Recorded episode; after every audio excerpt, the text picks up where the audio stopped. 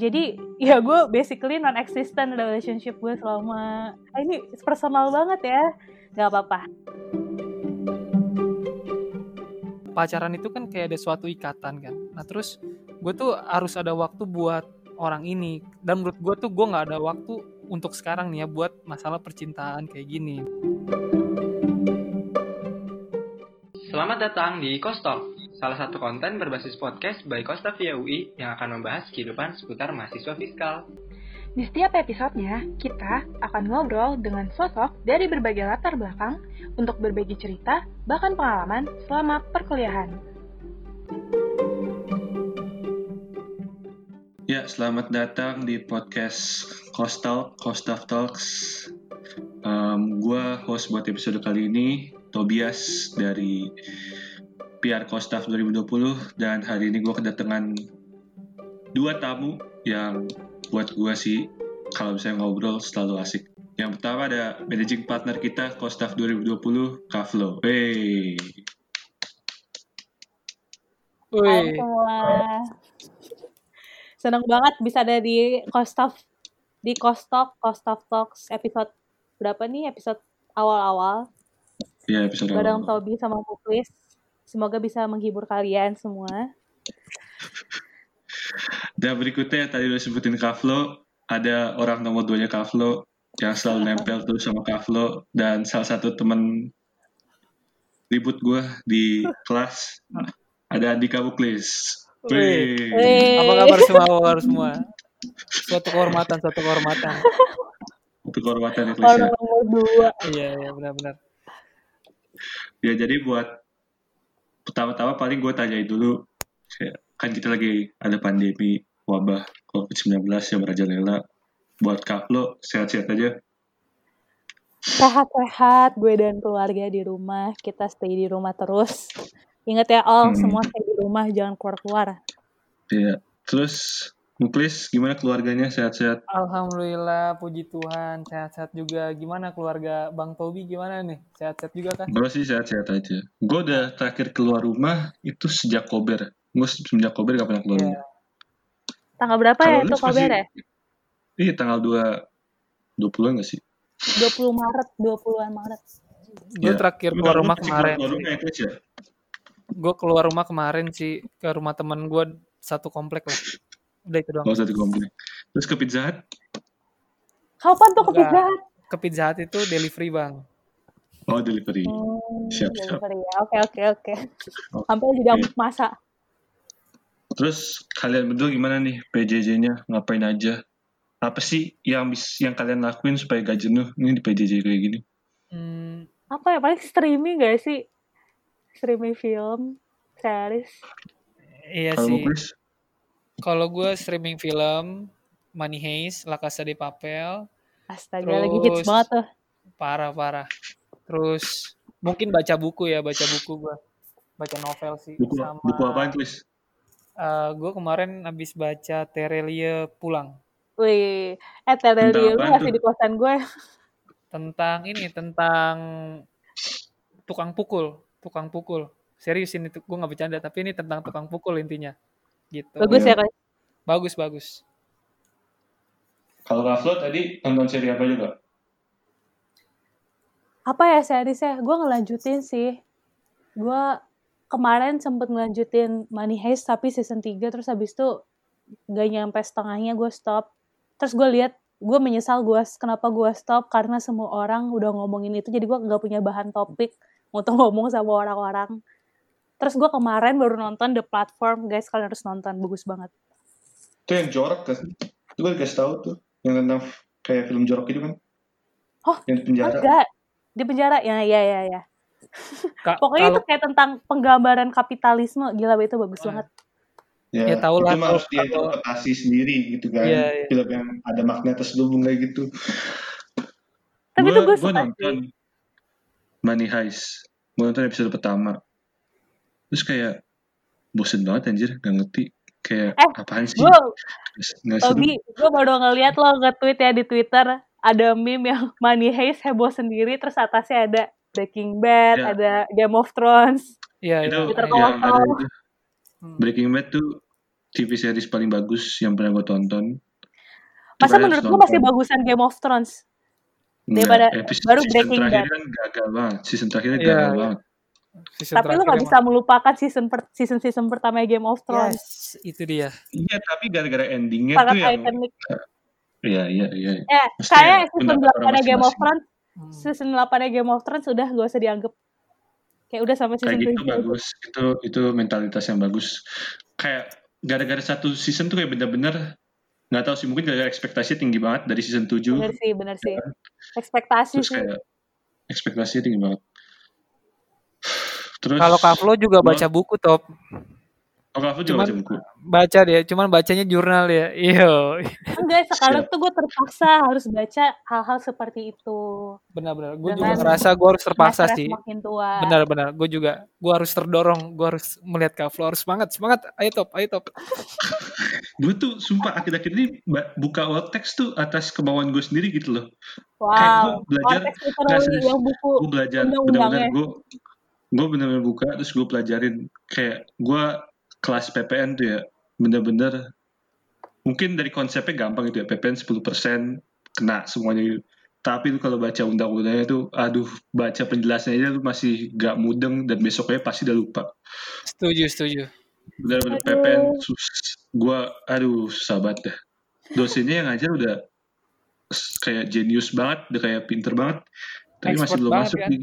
Udah expert banget dosennya. Tapi, ya ya udahlah. Nah kan lagi ngomongin PPN, PPN itu kan salah satu matkul di fiskal. Mungkin gue pengen tanya aja sih, kayak awal mulanya kalian nih, kan kalian udah figur-figur yang prominent di fiskal sekarang asik. Astaga, nggak awal ada, masuk- nggak ada. Jauh. Nah, awal-awal biasa. masuk fiskal kalian tuh kayak jalurnya gitu loh. Perjalanannya gimana? Kalau Kavlo gimana? Gue nothing special sih. Gue cuman unexpected aja masuk ke sini. Karena pertama kali gue pengennya, mungkin sama kayak Toby, International Relation, HI. Terus yang kedua gue pengen banget ilmu politik. Itu semuanya ada di UI yang gue pengen kan. Cuman tiba-tiba orang tua gue menyisipkan coba administrasi fiskal. Soalnya kakak sepupu gue ada yang di situ. Dan bokap gue terinspirasi dari dia dan dan kebetulan pilihannya ada tiga kan jadi udah gue masukin nih administrasi fiskal dan ya udah keterimanya di fiskal dan gue Hmm, senang sih meskipun unexpected gue tapi senang di sini Terus gimana Muklis, Andika? Kalau gua gue dari dulu garis keras mau SMA gue pengen akmil, cuman karena mata gua nggak mencukupi, mata gua udah minusnya udah cukup besar. Akhirnya gue kelas 3 mutusin gue pengen masuk hukum. Hmm. Pun masuk hukum nggak keterima nih. hukum mana tahun- tuh tadinya Gue pengennya ah, tahun gue kan gap year nih. Gue tahun pertama tuh pengen hukum game. Eh, Tahun kedua eh, orang tua nyuruhnya hukum UI. Hmm. Nah, terus pas gue daftar SIMAK kan.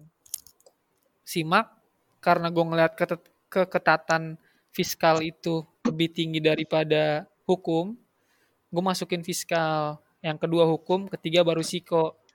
Terus Iya, gue juga tahu dari fiskal. kuotanya banyak kan ya? Ah iya benar. Kuotanya 50 oh kan? masukin Iya psikologi 50-an. Iya gue masukin psiko Hmm. ketiga.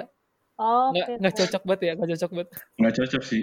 Lu kalau anak-anak psiko terus ada Muklis, Iya, itu itu ya. Lu kalau bisa ngebayangin yang gak kenal muklis ya, kalau lu ngebayangin muklis itu abang-abangan itu dia. Nah itu. Masuk Oke, terus, psikologi terus, terus. yang isinya cewek-cewek cakep. Iya sih, udah Iya. palingan kalau gue tahu dari kalau gue tahu fiskal, gue tahu dari temen gue dan emang sama gue sama kayak Kavlo itu unexpected banget gue masuk fiskal. Kayak Mm-mm. apaan sih tuh aja fiskal tuh apa Apaan sih fiskal ya? Iya kayak apaan sih gitu. Ya udah yang penting udah keterima di UI gitu kan. Ya Iya, udah. iya. ya benar. Um, mungkin kalau misalnya gue jelasin singkat aja. Kayak sebenarnya sama sih kayak kalian, nggak tahu juga fiskal itu apa. Kayak itu harus ditingkatin ya. Oh ini ada yang nanya Tobi ya, sorry sorry. Emang ada yang nanya Top? Iya, Oh, lu iya, gimana top? Lu gimana oh, top? Tiba-tiba ceritain Maaf, sih. Lu gimana top? Lu gimana top? Maaf. Lu gimana top? Ya udah deh. Silakan. Lu lah gak spesial spesial banget bang. Gak spesial spesial banget. Kayak tadi yang dibilang, ya kan, pada nggak tahu fiskal. Ya, mungkin tugas kita sebagai anak fiskal buat ningkatin awareness, ya. Pada, Iya, ya, siap. Ya udah, tapi bedanya mungkin gua kayak bener-bener bebas. kayak tidak ada pengaruh dari orang tua gue tentang pilihan gue beda kayak kalian berdua kali ya terus kan gue dulu IPA terus IPA gue gak ngerti gue tuh kimia nggak pernah di atas gocap nggak pernah Astaga, tim IPA, gue selalu klasikal. Gue ya ini kita kita bertiga kita bertiga IPA Iya, semua bertiga di sini. Oh iya ya? Iya, oh iya. iya, astaga fun fact. gagal semua Jadi untuk Terus? anak IPS mohon maaf ya yang mendengarkan Tidak ter- ini tidak jalurnya saya ambil. maaf. Mohon maaf banget ya. Saya mohon maaf dengan sangat ya. Lanjut. gitu terus terus ya udah kan gue ngeliat tuh gue baru kepikiran sebenarnya udah lama sih gue pengen kepikiran pindah ke IPS terus gue lihat list jurusan di UI terus kayak ya udahlah ini namanya fiskal keren. Terus passing grade-nya gak tinggi tinggi banget. Ya udah asal pilih aja. Gue baru tahu arti fiskal pas gue terima pas gue masuk kayak pas gue dari Kelas Prof UI-nya Paula itu. nggak sih? Pasti? Sama Bray Bukan, gue nggak nggak pas itu juga, nggak Oh. nggak pas pas lagi apa PES AF ya PES AF. Terus Pas gua masa-masa arti orientasi lah ya. Ya, terus gue baru tahu fiskal sendiri itu apa pas semester 3 itu pas pelajaran bisnek gue jelasin fiskal artinya apa. Ya udah kayak gitu. Jadi kayak gak spesial banget sih. Terus kayak gue masuk fiskal awal juga sama, eh, yang penting masuk UI dah, yang masuk UI udah seneng banget. Terus orang tua gue juga seneng banget kan pas gue masuk UI ya udah bersyukur aja sih. Meskipun awal-awalnya ya gue sama Muklis dan banyak juga di angkatan kita yang pengen SBM lagi, apalah kayak gitu. Iya, iya. Tapi iya. ya sekarang sih udah gak ada niatan lagi ya, Klis ya. benar. Udah tua bang saya bang. Oh ya, tapi tapi gue mau sebenarnya gue menyampaikan ini udah dari ada dari ngelihat sekarang masa-masa anak SMA lagi sibuk kali ya mempersiapkan nih mereka gimana sih mau persiapan masuk PTN. Sebenarnya gue mau nyampein aja, oke lu masuk PTN tuh great kayak perguruan tinggi negeri dengan biaya yang murah lu dapat kualitas edukasi yang bagus gitu. Benar. Benar. Tapi gak ada salahnya kalau lu emang bukan jalan lu di PTN dan lu masuk ke swasta. Oh sekarang Setuju, swasta setuju. udah banyak yang bagus. Iya iya. Jadi kayak bukan berarti kalau lo nggak masuk PTN berarti lo gagal. Enggak, Nah. kalau namanya emas ditempatin di mana pun bakal jadi emas. Jadi lo tenang aja. Tetap berjuang banget. buat teman-teman kelas 12. Gila. Siap. Emang nih. Siap. Tapi Ketua jangan lupa ya fiskal. Jangan lupa daftar fiskal. Eh tapi jelasin dulu kali ya fiskal tuh sebenarnya apa sih? Kayak Klis, kan lu sebagai kepala divisi RNL bisa mungkin Apa tuh? menjelaskan Dulu. RNL tuh di Kostaf tuh. Kaflo aja dulu Oh, kaflo kaflo. Kaflo. Jadi fiskal itu sebenarnya adalah lu gimana lu belajar tentang spending sama pener- spending dan penerimaan negara. Jadi income negara. Jadi mostly kita belajar pajak tapi nggak terbatas di pajak doang. Jadi kalau kita ngomongin tentang spending, berarti gimana kan pemerintah mengalokasikan uang-uang negara kita. Nah, sebelum lo mengalokasikan, lo harus tahu nih uang negara dapatnya dari mana. Dan Nah. negara Indonesia hampir sama dengan negara di Seluruh banyak dunia. mayoritas negara di dunia, hampir semua negara Iya, ya, Hampir semua semuanya negara bahkan. dari Oh, pajak. mayoritas penerimaannya bersumber dari mana, Muklis? Dari Dari pajak. Nah, itu dia makanya kita belajarnya pajak. Tapi kita juga belajar tentang ekonomi makro, belajar tentang politik juga, belajar tentang filsafat. Banyak Ya. deh hal di luar pajak. Administrasi, administrasi kan, birokrasi, transparansi, akuntabilitas yang dicanangkan oleh dosen-dosen kami Oh ya, tercinta.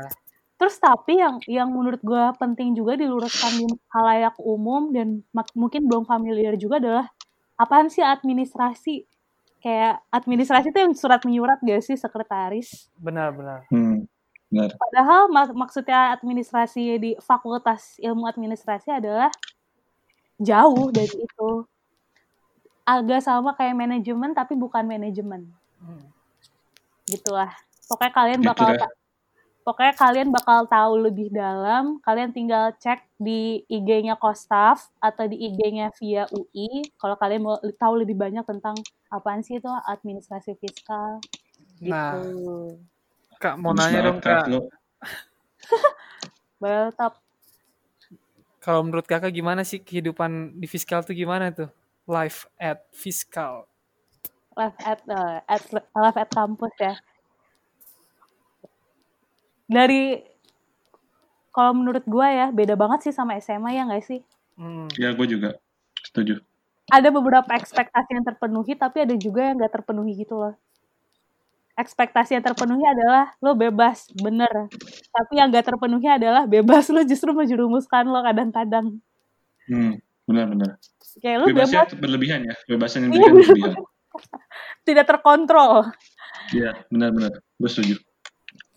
kalian ngerasain gak sih Hmm. terutama di semester pertama kayak ya ampun enak banget nih kayak gue gua nggak terlalu dituntut, dituntut untuk ngerjain tugas yang harus dikumpulin besok segala macam biasanya deadline-nya lumayan lama nih kan di kampus terus belajarnya juga kadang-kadang eh, matkulnya dua setengah jam harusnya tapi dosen udah selesai nyampein di dua jam atau kurang dari itu dan lo punya banyak free time di antara kelas. Dan justru lo kadang kebablasan. Gue pernah di semester 1 2 cabut. Ini jangan di- dititur ya guys. Tapi gue cabut matkul. Nggak usah disebut matkul apa untuk makan ke Bintaro sama temen gue. Itu aneh banget. Tapi menurut gue itu depend sama pribadi masing-masing lagi sih. ya bener-bener Kalau ya kamu mungkin lo deadlineer kan. Kalau gue kan tipenya nyicil gitu. Mungkin Tobi sama Kavlo lebih ke deadlineer. Kalau gue enggak sih. Kalau gue dari semester awal mungkin karena ini gue juga gap year juga gitu kali. Gue nggak mau nyanyain gitu. Gue masuk betul UI. betul betul. Terus ntar Bener. eh, IPK gue jelek atau gimana. Kalau gue sih tapi sebenarnya biasanya emang iya sih em, setuju sama yang apa yang dibilang sama Kavlo. Tapi yang apa ya, yang gue benar-benar nggak sadar tuh, itu bukan nggak sadar sih, nggak kayak expect banget tuh pas gue masuk. Benar-benar cara belajar gue tuh beda banget sama yang di SMA. Kalau di SMA kan gue Iya. bodo amatan gitu. Tapi kalau misalnya gue di sini, gue kayak nggak tahu. Menurut gue sih angkat, angkatan gue itu ambis-ambis banget anaknya. Terus gue ngeliat kayak mereka di kelas tuh belajar terus nanya-nanya, terus kayak nyatet gitu ya. Dan itu kayak men- mendorong dari dalam gue tuh kayak anjir gue harus Betul, ngejar betul. mereka gitu gue kayak insecure gitu loh lingkungan bener-bener lu sangat mendorong lu gak sih bener bener banget serius deh tapi bagus positif kan? Jadinya gue belajar. Menurut, Iya, iya, menurut gue environment fiskal tuh benar-benar positif sih menurut gue. Jadi kayak Betul, kompetitif, betul, cuman masih di jalan yang benar lah intinya. Iya kekeluargaan gitu, masih pada mau saling backup. oh iya bener. Kalau gue kayak suka bercandanya kenapa tuh kenapa top gue ngeliat snapgram orang aja kayak lagi belajar gitu.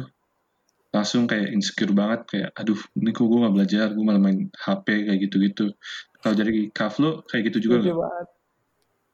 sebenarnya gue nggak terlalu mikirin pendapat apa sih apa yang orang lain lakukan kan ya. Karena gue berdasar belajar the harsh way kalau orang lain punya pace mereka masing-masing proses mereka masing-masing dan jam belajar mereka masing-masing. Benar. jadi kalau misalnya gue ngeliat temen gue lagi belajar dan ini ini menurut gue ini problem yang sangat common di antara anak-anak kuliahan ya gak cuma di fiskal tapi di semuanya yang kadang suka ada masalah peer pressure atau insecure segala macam. Tapi menurut gue semua orang punya pace masing-masing. Kalau lo lagi main HP sekarang dan lo ngelihat snapgram temen lo lagi belajar dan lo merasa insecure dan kalau impactnya itu kalau positif gak apa-apa. Tapi kalau ternyata impactnya justru negatif negatif dalam artian kayak misalnya lu jadi nge-force diri lu untuk belajar padahal lu lagi gak mood untuk belajar.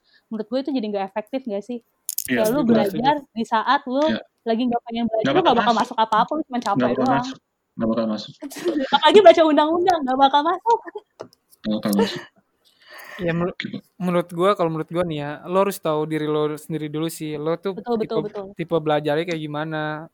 Kalau gue misalnya gue lebih baik gue tidur dulu gitu kan. Gue karena gue nggak bisa begadang banget. Terus bangun jam 3, jam setengah 4 baru belajar lagi kayak gitu. Kalau gue kayak gitu. Terus misalnya harus ada cemilan. betul it matters sih lu tahu cara gaya belajar lu Benar, benar. Dan itu, itu ini- penting banget, penting banget menurut gue. di masa kampus yang menurut gue sangat culture shock karena gue bener-bener menemukan gaya belajar gue yang baru di kampus semester satu gue itu sangat struggle untuk menyesuaikan diri dengan lingkungan kampus yang serba mandiri serba apa-apa nentuin sendiri gitu Hmm. terus makin masuk semester 2 dan mulai dan gue merasa diri gue mulai establish di semester 3 gue tahu cara gaya belajar gue gue tahu gue harus belajar apa gue udah mulai kenal sama teman-teman gue gitu sih menurut gue Ya, Kalau kalian mungkin kalau gue sih cuma bersyukur aja.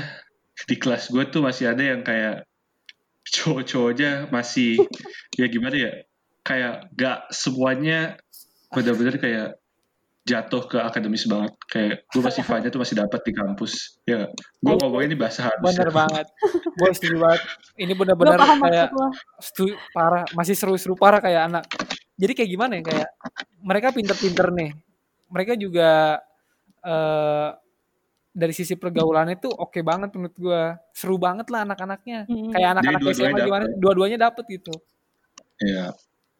Oh ya, terus Mungkin- menurut gue yang juga lumayan ya, eh bukan lumayan sih, yang menurut gue banyak gue temuin di anak-anak kampus adalah mereka lumayan well rounded gitu gak sih? Kadang mereka akademisnya bagus, sportnya bagus, pergaulannya juga bagus, dan gue bingung mereka maintain itu semua kayak gimana. nah itu itu itu udah Keren sih, mereka sangat-sangat menginspirasi sih orang-orang kayak gitu. Nah.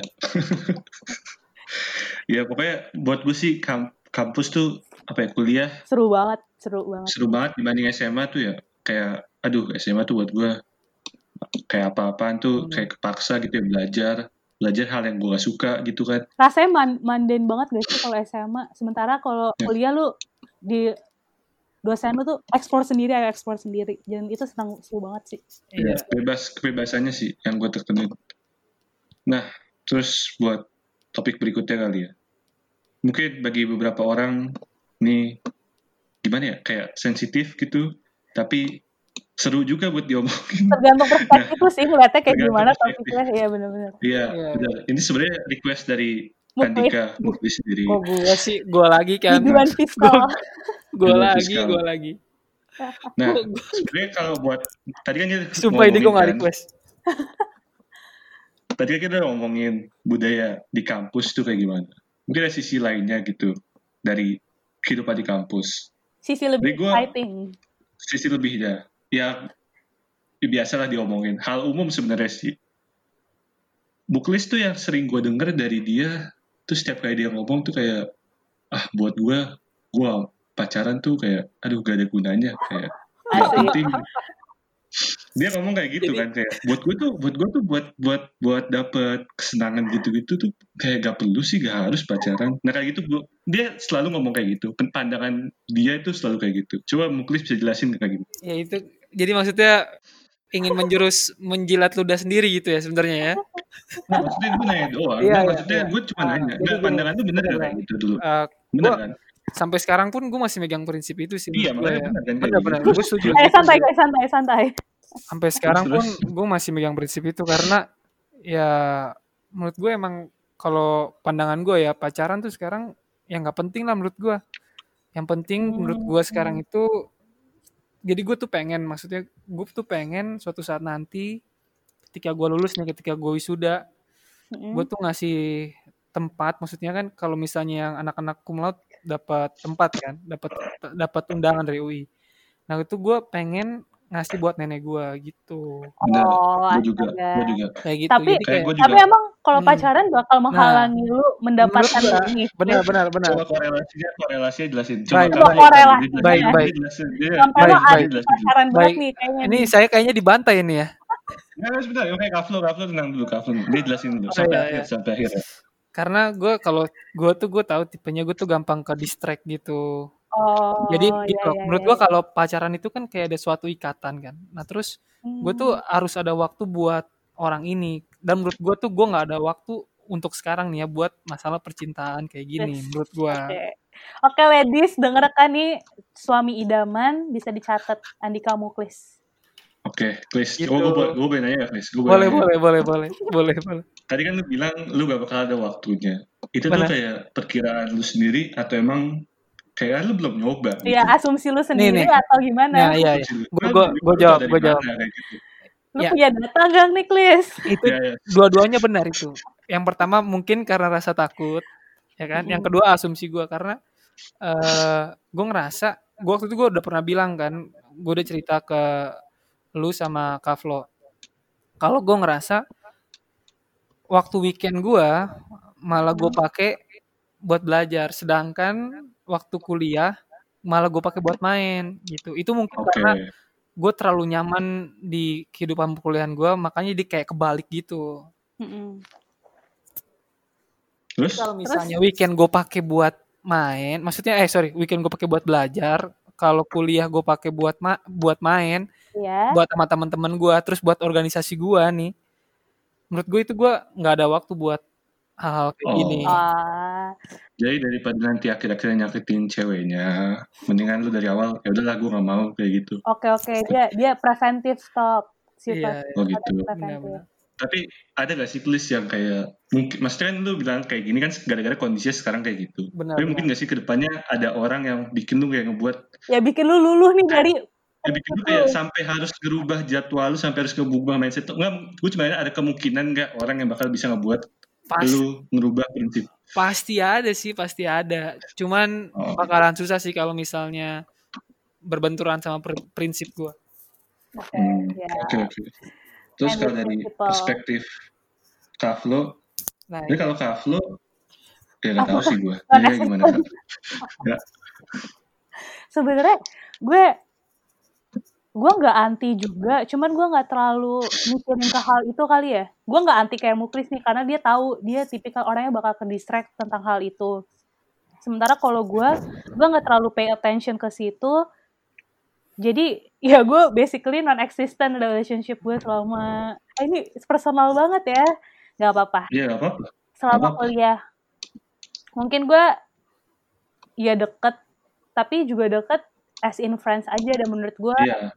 dan itu lebih seru buat gue dibandingkan gue harus pay attention ke hal lain karena menurut gue fokus gue lagi nggak ke situ tapi gue nggak anti relationship maksud gue gue nggak Iya. membatasi diri gue cuman gue lagi nggak fokus aja ke situ selama kuliah mungkin karena sibuk eh ngampus sibuk tugas sibuk organisasi juga dan nah menurut setuju gue gua. teman-teman gue udah keseruan dan keanehan teman-teman gue dan teman-teman gue baik di daily life ataupun di organisasi udah cukup untuk menghibur gue gitu dari gila. Ini gue setuju banget. 100% setuju. perkuliahan. ya kan eh tapi gue ya, gue pernah denger deh kalau nggak salah Tobi pernah bilang ke siapa gitu gue dengar ada yang ngomong ke gue gue pengen kalau kalau kuliah di UI tapi wisuda nggak ada pasangan artinya sia-sia lo Nah, ngomong Nggak, kayak gitu itu gue beneran, gue serius itu. Gak mau ngomong gak apa-apa. Buat Kenapa gue coba? sayang banget. coba kenapa lo bisa berpikiran Iya, kayak iya. gitu Benar-benar. Ya udah ini kan pandangan gue sendiri kan. Mungkin orang lain gak setuju sama gue. Ya nggak nggak apa-apa kalau mereka gak setuju. Tapi buat gue tuh, ya gue nanti kan kuliah di UI gitu loh. Hmm. Menurut gue UI, ya mungkin sekarang udah bukan kampus terbaik, tapi menurut gue kampus paling prestigi- prestisius di Indonesia tuh masih tetap UI. Ya nggak sih? Yang masih kayak wow gitu loh. Iya, mungkin iya. kalau misalnya secara akademis, udah kalah sama yang lain. Tapi buat, ya makanya kayak gitu, untuk mahasiswanya ya prestis tapi Iya, orang lain belum tahu Oke, iya, iya kayak gitu. Terus, ya gue pengen aja nanti pas 10 tahun, 15 tahun ke depan, gue ngeliat ke belakang lagi, oh dulu gue tuh pas masa kuliah, pernah, ya kayak pernah ada em, hal yang kayak tadi, yang kayak kalian, yang kalian tidak, kayak gitu. Ya, makanya sebenarnya bukan pas wisuda juga sih kak yang lu ngomong kayak gitu. Gue gak tahu siapa yang ngomong pas wisuda wisuda gitu. Tapi palingan sekali gitu nyoba. Nggak nyoba sih maksudnya sekali menjalanin. Hmm, oke. Dibanding nggak sama sekali. Itu s- terus kayak ada nggak top? hal yang Jadi mau. i- mungkin gue gue koreksi kayak gini kali kak. Jadi kan eh, dulu eh, motonya UI itu kan buku pesta cinta kan. oh Buku buku Siap. udah buku jelas dong. Anak fiskal Iya. ambis-ambis. Pesta nggak usah ditanya. Ya kali Siap, cintanya Andika. nggak ada gitu. Itu Nah, kayak gitu. itu Nah, maksudnya dia Tobi. oke dia juga ngomong siap kayak gitu kan sebenarnya ke gue kayak gitu tapi yang pendapat dia berkontradiksi sama apa yang ya udah apa terus gue juga nih pernah dengar juga lu kan pernah dengar dengar gitu kak gue ngomong apa gue juga pernah dengar dengar tuh nih kak ngomong kayak apa, Apa gitu ya tentang kayak ketakutan gitu. Nanti kalau misalnya aduh lu udah lulus lu udah lulus terus ada udah karir jalan terus malah nanti jadinya kayak ya udah nggak kepikiran lagi tentang rumah tangga ya, kayak gitu. Nah itu kalau misalnya kakak pandangan kayak gitu datangnya kayak insecure kayak gitu datangnya dari mana sih kak? Menurut gue itu insecurities hampir semua. Gak tau ya kayak teman-teman gue misalnya gue gue nih mostly teman-teman cewek gue itu adalah woman with goals we. Gak, bukan berarti ada maksud gue adalah woman yang benar-benar an- cewek-cewek yang benar-benar kayak jelas gitu mereka mau ngapain di hidup mereka. Gue amazed aja ada beberapa teman gue yang tahu gue bakal nikah dan gue pengen ngurus anak gue dan itu dream mereka. Dan Hmm. gue nggak bisa meng- bilang itu nggak valid karena karena itu beda sama cita-cita gue gitu tapi paham, di satu sisi dengan dia ngomong kayak gitu gue kepikiran juga. Dan beberapa teman-teman cewek gue juga kepikiran what if? Nah what if what if inilah yang menimbulkan hal-hal seperti itu.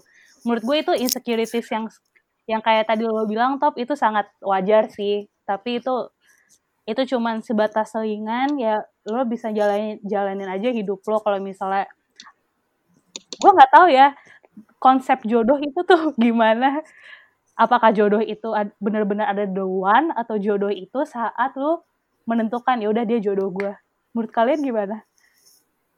Menurut lo gimana, Chris? apakah ada satu gak orang yang yang udah didestinasikan untuk jadi sama lu seumur hidup atau lu ketemu orang dan lu decide dia jodoh lu? Gue Berat Lu banget. itu yang mana gue nggak tahu sih gue nggak tahu sampai sekarang ya. Mungkin karena mungkin itu menurut gue ini pasti ada sisi pandangan dari agamanya juga nggak agama Iya, juga nggak sih? menurut Hmm. tapi beda-beda yang ya bisa gue kasih tauin sih kalau misalnya nih ya mungkin di pikiran lo tuh udah mendeskripsikan laki-laki nih kak laki-laki yang lo pengenin tuh kayak gimana atau perempuan yang lo pengenin tuh kayak gimana dari, dari kriteria A sampai pasangan Z ideal ya Heeh. cuman pasti nanti nih ketika ketemu satu orang menurut gue lo bakal jatuh hati tanpa alasan wow. Lu udah pernah belum, Chris? Kayak gitu, Chris?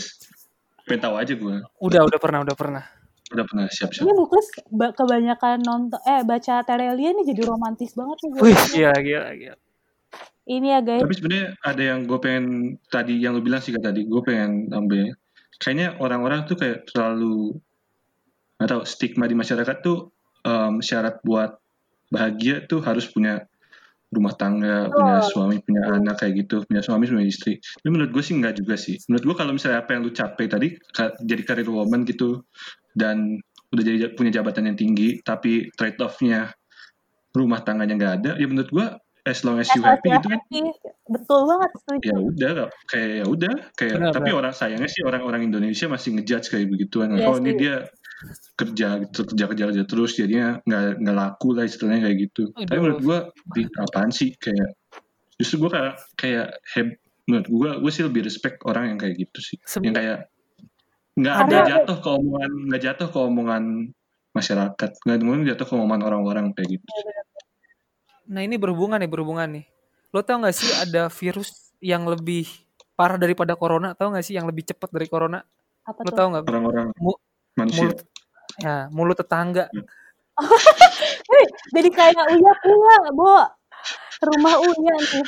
Ya kenapa tuh tetangga? Coba Chris jelasin Chris gue pengen tahu. Unexpected sumpah ini unexpected. Oh, udah lah, Chris ya kak. Tapi ya kayak gimana Chris Itu itu itu emang, waduh itu cep, waduh serem banget deh pokoknya. jahat ya Mematikan, omongan Jahat orang ya. tuh jahat ya. Mematikan deh. jahat orang tuh jahat. Waduh omongannya tuh Hmm. mematikan aja, mematikan banget dah.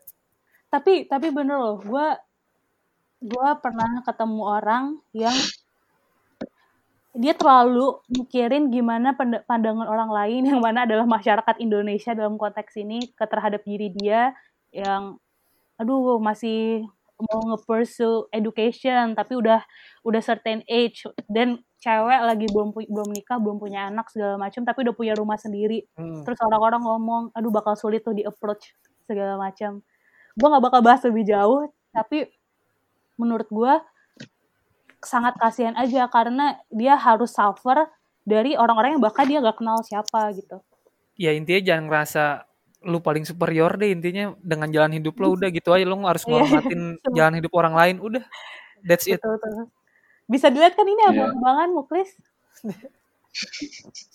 tapi Setuju, kadang setuju. sih gue juga nggak munafik gue juga kadang juga kemakan omongan orang-orang juga gue ikutan kayak apa ya dari dari kabar yang tadi lu bilang kayak omong-omongan tetangga gitu. Jadi gue juga kemakan sama omongan gitu. Gue langsung ngejudge orangnya gitu. Jadi kayak ikutan julid juga kayak gitu. Soalnya gimana ya? Iya. kayak kayak gitu emang bener sih. Emang efektif banget ya. Kayak langsung lu terima apa adanya gitu gak sih? Kayak males aja gitu loh ya. Udah terima aja deh. Iya. Oke. iya iya iya. Mungkin itulah topik kita. Oh ya masih ada satu topik lagi nih. Gue sih pengen banget ngomongin kayak gini ya. Kita bertiga kan kebetulan lagi ada di satu organisasi di satu himpunan. Em, terus buat Kaplo khususnya sebagai ketua kayak pas ada pengumuman PJJ terus kan berarti otomatis proker-proker kita banyak yang dipospon bahkan ada yang di cancel itu kakak gimana sih feelingnya? Kayak mixed feelings itu ada senang ada sedih atau kayak gimana pas ada pengumuman kayak gitu Pertama-tama gak mix sama sekali. Gue tuh completely, gue gak ada happy-happynya. Mungkin bukan cuma gue doang kali ya, semua anak organisasi di kampus seantero Indonesia, bahkan di dunia juga bingung gitu sama proker-proker mereka harus kayak gimana. Benar-benar. Apalagi bukan bukan dalam artian eh, kita egois ya, proker kita mau harus tetap jalan, harus tetap jalan segala macam. Cuman kalau gue personally ngelihat para BPH, kalau di Kostaf sebutannya managers, mereka udah sangat kalau bisa dibilang 1000% 1000% sih menyiapkan gimana grand design mereka, apa ide-ide mereka untuk fiskal tahun ini. Dan itu harus terhenti. Itu gue sangat sakit hati pas denger itu. Dan itu gue pusing banget gue dan partner gue Andin sama Ahmad dan juga board of directors juga pada bingung gimana nih gimana nih.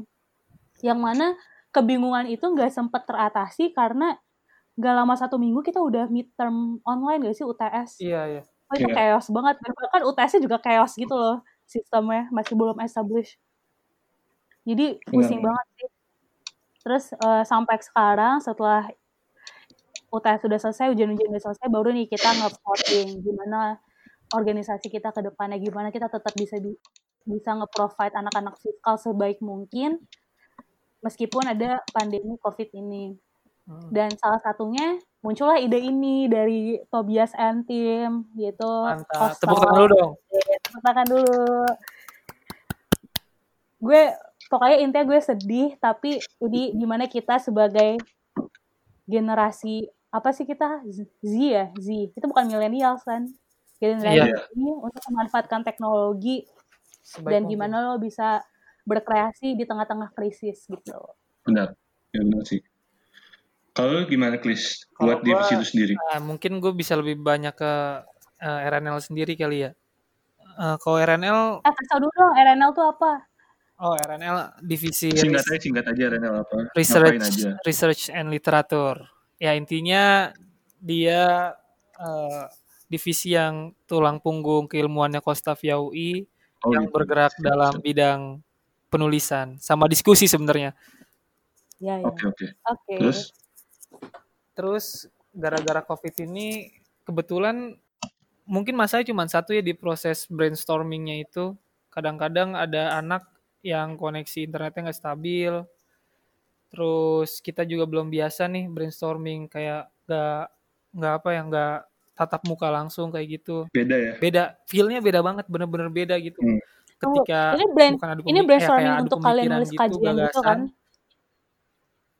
Buat buat ini buat buat kajian nih brainstorming buat kajian. Iya, gitu, iya, iya. membuat tulisan Oke, cerita. terus? Kayak gitu.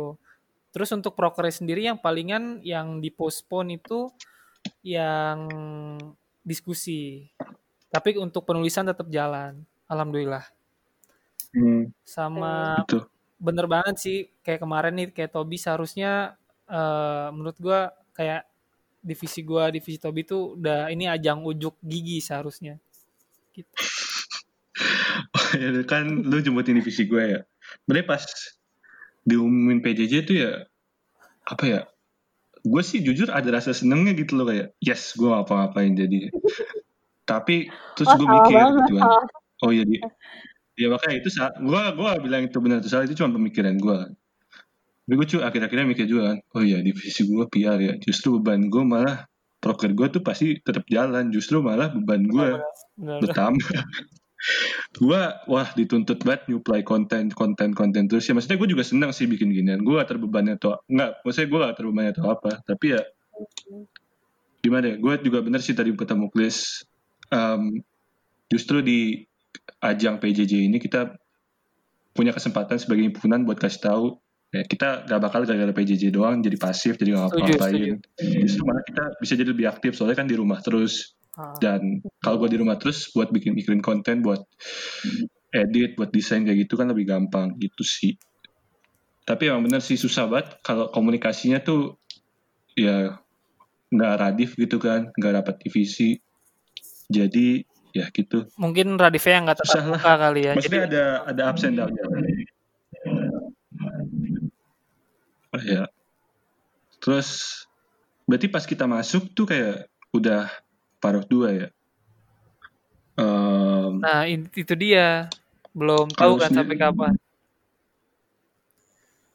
hmm, ya sih makanya Tapi menurut gue ya, oke deh eh, di pandemi ini kayak kalian anak-anak fiskal terutama ya nggak usah khawatir kalian bakal tetap di provide sama Kostaf kita bakal tetap ngasih konten dan bahkan kalau mereka mau jadi guest star di podcast ini bisa ya top ya? Hmm. bisa banget. Kayak hubungin kita aja. Kayak kan gue bilang tadi mereka berdua ini da, apa ya ada di podcast ini soalnya mereka nge-request kayak ngechat gue supaya Enggak, enggak, enggak. ikutan di podcast. Eh, iya iya. Ya, Iya, pokoknya iya. gitu lah. Nah, makanya jadi kalian kalau misalnya ada yang Wah. Kalau kalian yang ada punya saran atau kritik atau apa aja lah atau mungkin bisa ikut podcast ini sendiri bisa banget hubungin kita di sosial media kita at Kostaviaui, Twitter, Instagram, Line at Kostaviaui, Medium Kostaviaui, dan juga nanti Spotify kita dengan nama akunnya Kostaviaui. Oh iya, gue mau, sih kayak gue pengen tanya kak. gue mau promosi juga dong. Mau promosi juga dong. Eh, silakan silakan Iya. ajang promosi. Oh iya, ini untuk anak-anak fiskal nih yang mungkin di rumahnya gabut terus mereka menulis nih. Jadi RNL nih Iya. ada broker namanya Fiscal, Fiscal Slab nih. Jadi ntar tulisan kalian itu bisa dipublish di eh, media-media Kostaf. Terus ntar kalian dapat bakal dapat reward dari RNL. Tapi nggak terbatas nggak nggak nggak terbatas hanya kajian doang. Kalian juga bisa ngasih infografis. Contohnya kemarin nih kayak yang eh, stimulus Trump yang di- itu ditulis sama host kita Tobias Silalahi. Uh, keren Iya, bagus banget. Gue banyak banget yang bilang bagus tau gitu. Oh siap siap. Oleh emang sombong, keren, emang sombong, emang keren, emang sombong. keren. Som Udah, Nah, ya. itu Tapi itu gue sombong gue itu harus gue harus keren, terima ya. kasih juga ke Gema yang anak dan seluruh semua medcom sih yang udah desain itu supaya dibikin menarik sih kan dari teks doang terus dibikin semenarik itu menurut gue keren banget sih Itu buat medcom emang mungkin. Desainnya gue akuin, wah keren lah. 10 Iya, lah, benar, 10. Parah, parah. Menarik banget, Parah. eye-catching banget. Iya bagus bagus. Pokoknya medcom tahun ini bagus banget ya. Terus Chris ada lagi? Udah, udah. Pengen promosi itu aja. Infografis Terus? sama tulisan. Udah. Oke siap. Kak ada lagi tambahan? Eh, Ada yang pengen Mungkin dari promosiin gua. dari